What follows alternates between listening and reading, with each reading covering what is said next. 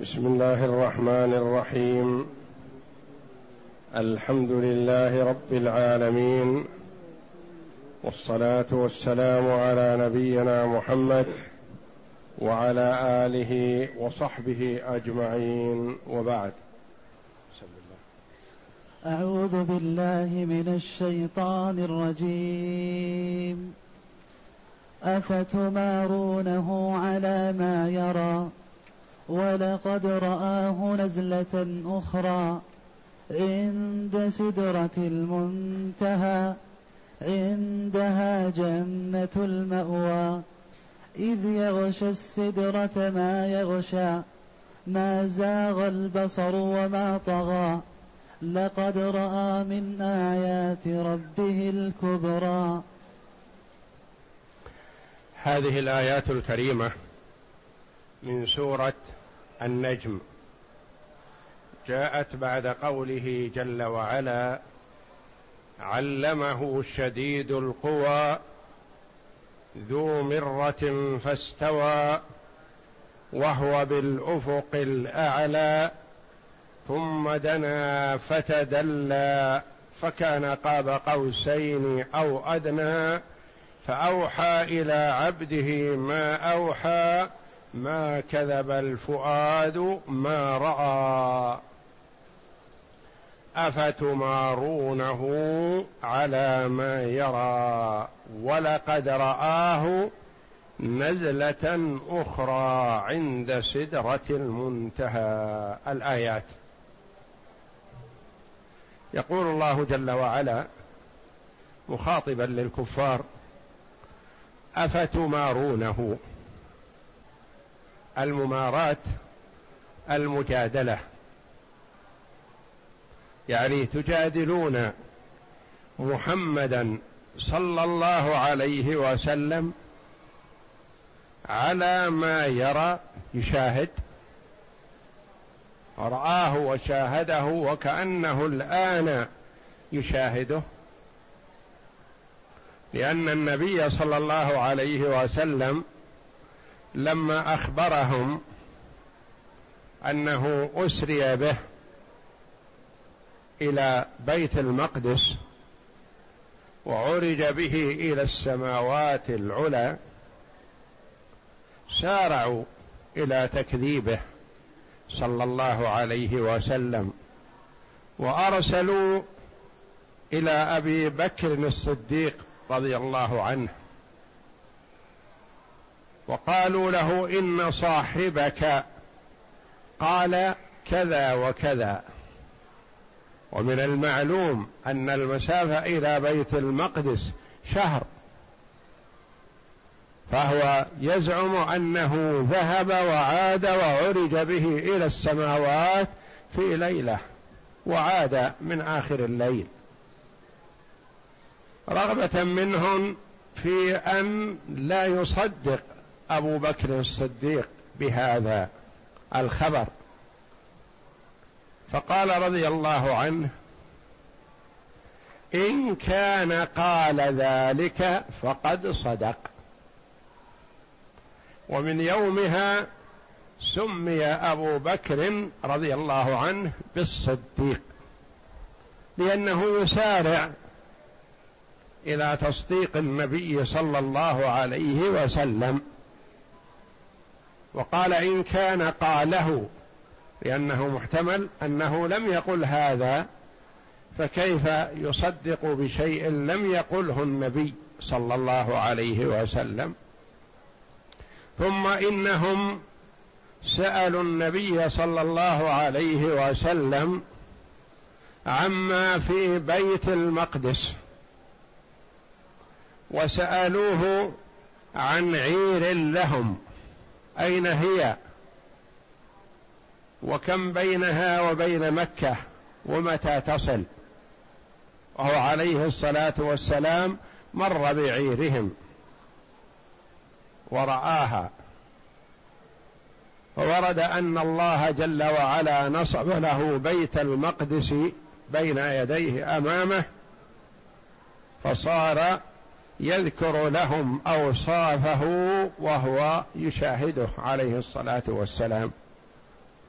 وأخبرهم صلى الله عليه وسلم عن عيرهم. وما ند منها. ومتى يتوقع وصولها إلى مكة. ومع ذلك ما صدقوه. يجادلون مكابرة وردا للحق أفتمارونه على ما يرى وقرئ أفتمرونه يعني تجحدونه تجحدون حقه فيما أخبركم به. يقال مراه بمعنى جحده.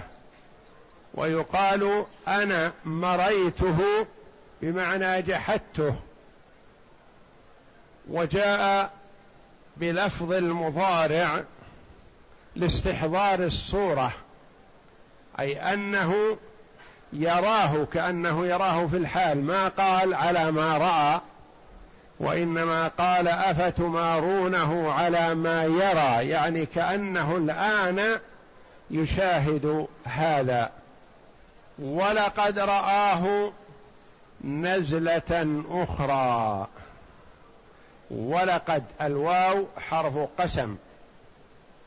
واللام موطئة للقسم. والله لقد رآه نزلة عند نزوله. الواحدة من النزول يقال نزلة. أخرى يعني مرة أخرى غير المرة السابقة.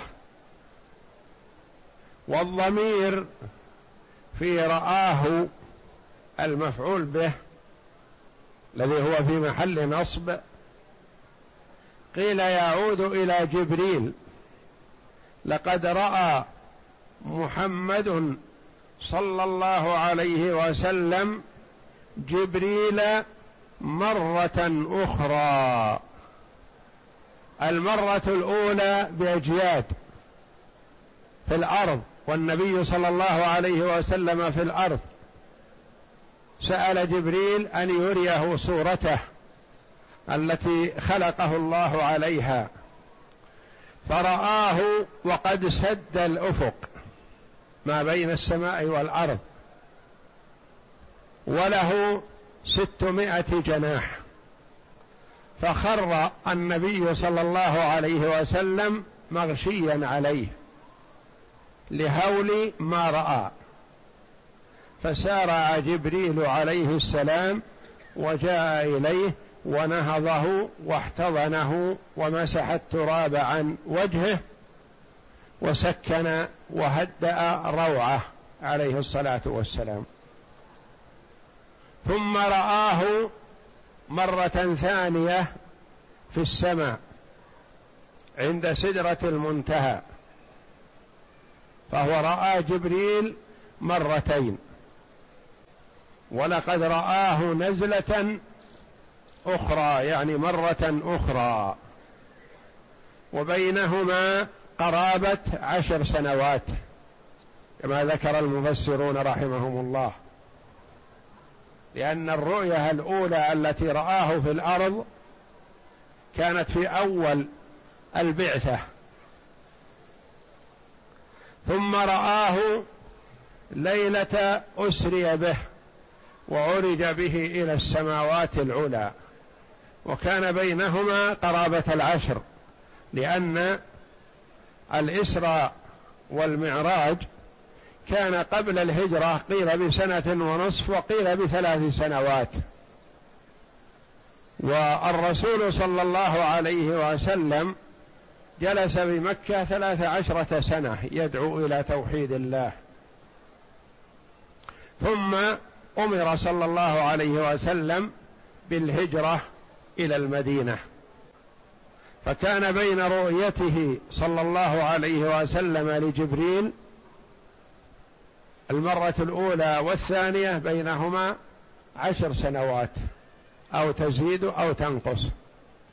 ولقد رآه نزلة أخرى. هذا قول لعدد من المفسرين.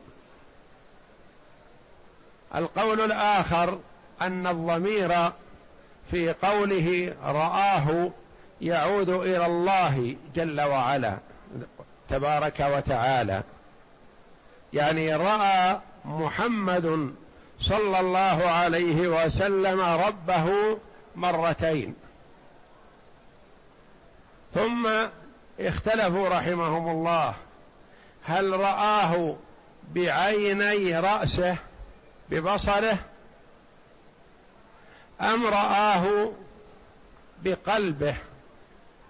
قولان والخلاف من زمن الصحابة رضي الله عنهم. ابن عباس رضي الله عنهما يقول رآه. وعائشة رضي الله عنها تقول ما رأى النبي صلى الله عليه وسلم ربه. وابن عباس قال بقوله عدد من الصحابة رضي الله عنهم. وعائشة رضي الله عنها قالوا ما نقلت عن النبي صلى الله عليه وسلم أنه لم يرى ربه وإنما استدلت بأدلة كقوله جل وعلا لا تدركه الأبصار وقوله جل وعلا وما كان لبشر أن يكلمه الله إلا وحيا أو من وراء حجاب. الآيات وعائشة وابن عباس رضي الله عنهما كلاهما من رواة الحديث ومن الناقلين للأمة حديث رسول الله صلى الله عليه وسلم. لكن رجح كثير من المفسرين قول ابن عباس رضي الله عنهما على قول عائشة رضي الله عنها. قالوا لأن ابن عباس رضي الله عنهما قال أثبت أثبت شيئا. وقاعدة أصولية المثبت مقدم على النافي لأن مثل هذا ما يقال بالرأي. ولا بد أن عنده علم من النبي صلى الله عليه وسلم. والمثبت مقدم على النافي. ثم إن عائشة رضي الله عنها ما نقلت عن النبي صلى الله عليه وسلم أنه لم يرى وإنما استدلت بعمومات وألفاظ من القرآن رضي الله عنها قد يفهم منها هذا وقد لا يفهم لأن من رد عليها قال لا تدركه الأبصار صحيح لأن ما يقال إن النبي صلى الله عليه وسلم أحاط بصره بالله جل وعلا. الإحاطة شيء والرؤية شيء آخر. فالإحاطة منفية والرؤية قد تثبت. واستدلوا بأدلة. منها ما هو في صحيح مسلم ومنها ما هو في البخاري ومنها ما هو عند الإمام أحمد وغيره من أصحاب السنن. قيل رأى محمد صلى الله عليه وسلم ربه مرة أخرى بفؤاده وقيل بعينه. بفؤاده يعني بقلبه وقيل بعينه. أخرج مسلم والطبراني وغيرهما عن ابن عباس في الآية. قال رأى محمد صلى الله عليه وسلم ربه بقلبه مرتين. وأخرج نحوه عنه الترمذي وحسنه وعن أنس قال رأى محمد ربه وعن ابن عباس أن النبي صلى الله عليه وسلم رأى ربه مرتين مرة ببصره ومرة بفؤاده. وعنه أي ابن عباس لقد رأى النبي صلى الله عليه وسلم ربه عز وجل وعنه قال أتعجبون أن تكون الخلة لإبراهيم؟ والكلام لموسى والرؤية لمحمد صلى الله عليه وسلم. يعني الخلة الله جل وعلا اتخذ إبراهيم خليلا وكلم موسى تكليما والرؤية لمحمد صلى الله عليه وسلم. وقد روي نحو هذا عنه من طرق. واخرج مسلم والترمذي وابن مردويه عن أبي ذر قال سألت رسول الله صلى الله عليه وسلم هل رأيت ربك؟ قال نور أنا أراه. وعنه سأل رسول الله صلى الله عليه وسلم هل رأيت ربك؟ قال رأيت نورا. أخرجه مسلم وابن مردويه. وعنه قال رأى رسول الله صلى الله عليه وسلم ربه بقلبه ولم يره ببصره. أخرجه النسائي وابن المنذر وغيرهما. قال صاحب التحرير والحجج في المسألة وإن كانت كثيرة لكن لا نتمسك إلا بالأقوى منها وهو حديث ابن عباس أتعجبون؟ المتقدم الذي تقدم لنا. أتعجبون أن تكون الخلة لإبراهيم والكلام لموسى والرؤية لمحمد صلى الله عليه وسلم. وعن عكرمة سئل ابن عباس هل رأى محمد صلى الله عليه وسلم ربه؟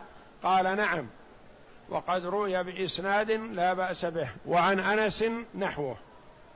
وكان الحسن البصري رحمه الله يحلف لقد رأى محمد صلى الله عليه وسلم ربه. والأصل في المسألة حديث ابن عباس حبر هذه الأمة وعالمها والمرجوع إليه في المعضلات. وقد راجعه ابن عمر في هذه المسألة فأخبره أنه رآه.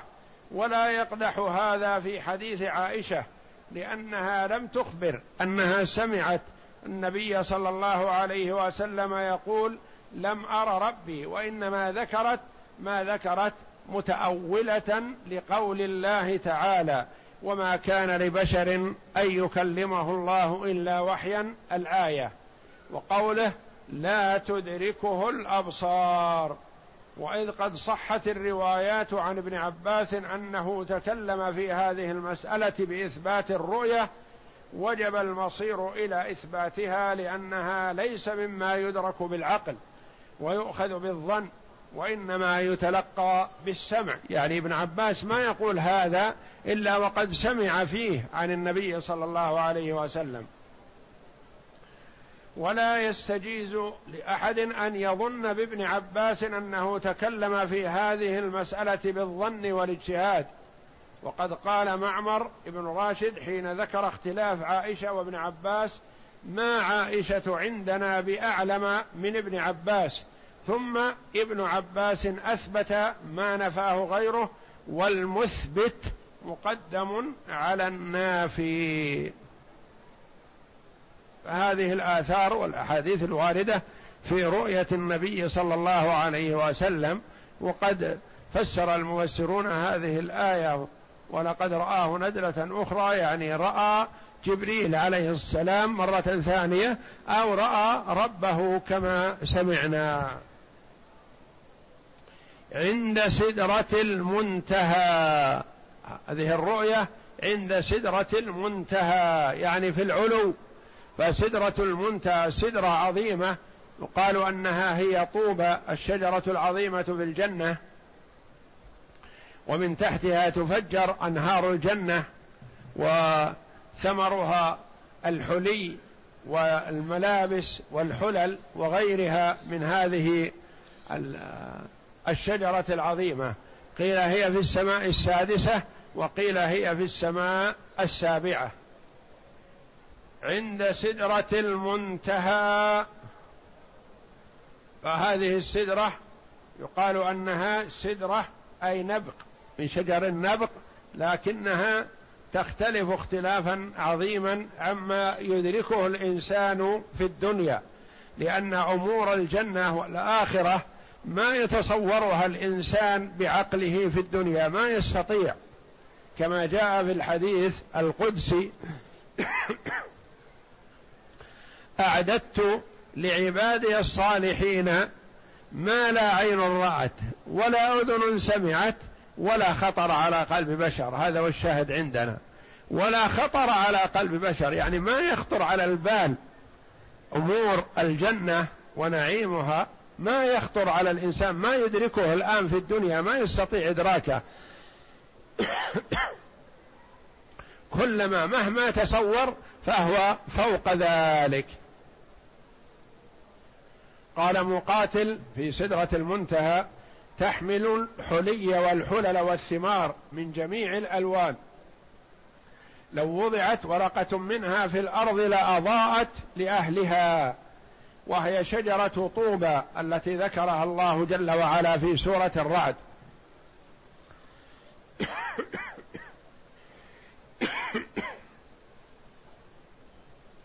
وهي التي ثبت عن النبي صلى الله عليه وسلم وهذه السدرة هي في السماء السادسة كما في الصحيح وروي أنها في السماء السابعة على يمين العرش. وسميت سدرة المنتهى. فالمنتهى مكان. أي الانتهاء إلى هذا الشيء.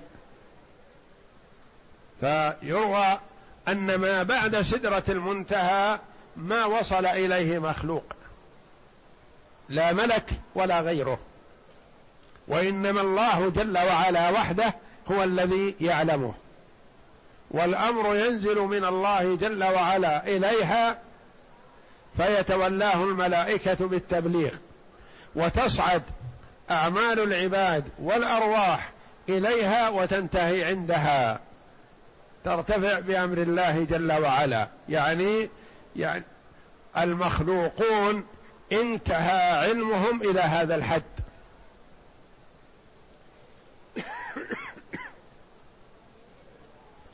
وقيل تنتهي إليها أرواح الشهداء.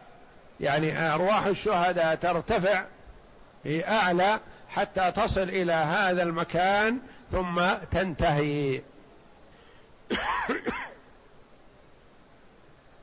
وعن ابن مسعود رضي الله عنه قال لما أسري برسول الله صلى الله عليه وسلم انتهى إلى سدرة المنتهى وهي في السماء السادسة إليها ينتهي ما يعرج من الأرواح فيقبض منها وإليها ينتهي ما يهبط به من فوقها ويقبض منها. أخرجه أحمد ومسلم والترمذي وغيرهم. عن ابن مسعود رضي الله عنه. عندها جنة المأوى. أي هذه السدرة عندها جنة المأوى. الجنة التي يأوي إليها المتقون. فالجنة في السماء فوق. ومن أصول أهل السنة والجماعة أن الجنة والنار مخلوقتان. موجودتان والسماء والجنة في السماء في العلو والنار في أسفل السافلين والعياذ بالله.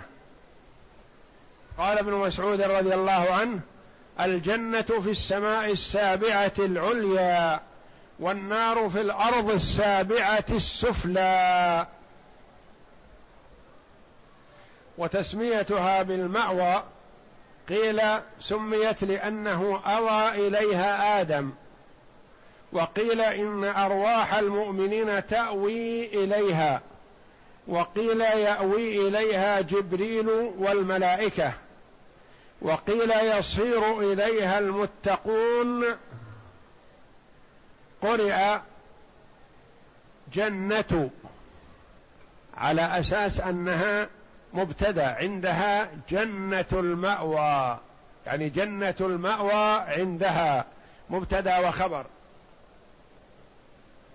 قرئ جنة بالرفع على الابتداء وقرئ جنه فعلا ماضيا من جن يجن أي ستر. جنة المأوى يعني جنة مثل ما تقول ضمه واخذه جنه يعني ستره فليست اسما وانما هي فعل قراءه أخرى. أي وقرئ جنة فعلا ماضيا من جن يجن أي ضمه المبيت أو ستره إيواء الله له. قاله الأخفش قال الأخفش أدركه كما تقول جنه الليل. جنه يعني سترة الليل على أنه فعل فعل ماضي. أي ستره وأدركه. قال ابن مسعود الجنة في السماء السابعة والنار في الأرض السابعة السفلى والعياذ بالله. عندها جنة المأوى. إذ يغشى السدرة ما يغشى. هذه السدرة لما رآها النبي صلى الله عليه وسلم وحين رآها جعلها الله جل وعلا يتغشاها أشياء. أشياء عظيمة. وقال عنها جل وعلا إذ يغشى السدرة ما يغشى. هذا للتفخيم والتهويل. وأنه شيء عظيم وليس شيء يدرك بالحس أو يمكن الإنسان أن يصفه في حال الدنيا.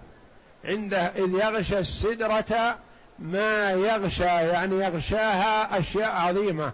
أرواح الملائكة أو طيور من ذهب أو أرواح الشهداء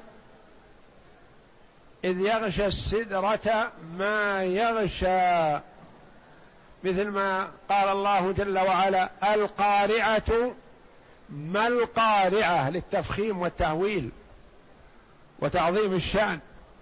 الحاقة ما الحاقة إذ يغشى السدرة ما يغشى يعني يغشاها شيء عظيم. ثم امتدح الله جل وعلا بصر رسوله صلى الله عليه وسلم ونظره وثبات قلبه فقال جل وعلا ما زاغ البصر وما طغى. ما زاغ البصر يعني بصر النبي صلى الله عليه وسلم ما زاغ يمين ولا شمال. ولا طغى امتد أو نظر شيئا لا يباح له أن ينظره. بل هو تأدب مع الله جل وعلا أحسن الأدب وأصغى لله جل وعلا وكان نظره في حدود ما حدد له. لم يزد ولم ينقص. ما زاغ البصر وما طغى. زاغ يقال مال. يعني ما التفت يمينا أو شمالا عما حدد له صلى الله عليه وسلم. وما تجاوز ما رأى وما بالغ في الصفة بل أتى بالشيء حقيقة عليه الصلاة والسلام. ما زاغ البصر وما طغى لقد رأى من آيات ربه الكبرى. في هذا الإسراء والمعراج رأى أشياء عظيمة. لقد رأى من آيات ربه الكبرى. ما المراد بما رأى؟ خصص بعضهم. قال جبريل على هذه الصورة العظيمة. وقال بعضهم سدرة المنتهى على هذا الشكل العظيم.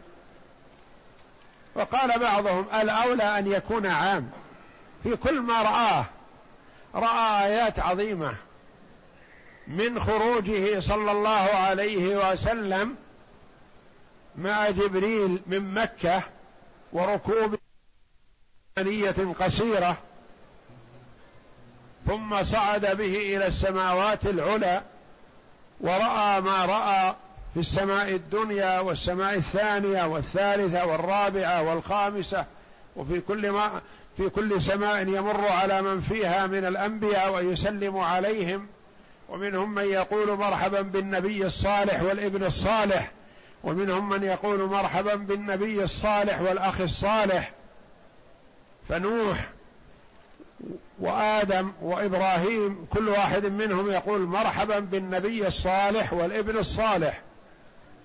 وبقية الأنبياء يقولون مرحبا بالنبي الصالح والأخ الصالح وجمع الله له الأنبياء صلوات الله وسلامه عليهم أجمعين وصلى بهم في بيت المقدس.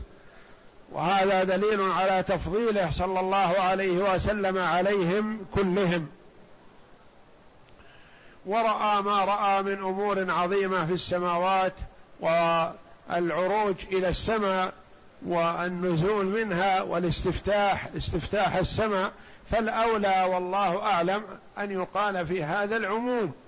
يعني رأى آيات عظيمة من أولها خروجه من مكة ووصوله إلى بيت المقدس في فترة زمنية قصيرة جدا وكانوا يقطعون المسافة في شهر.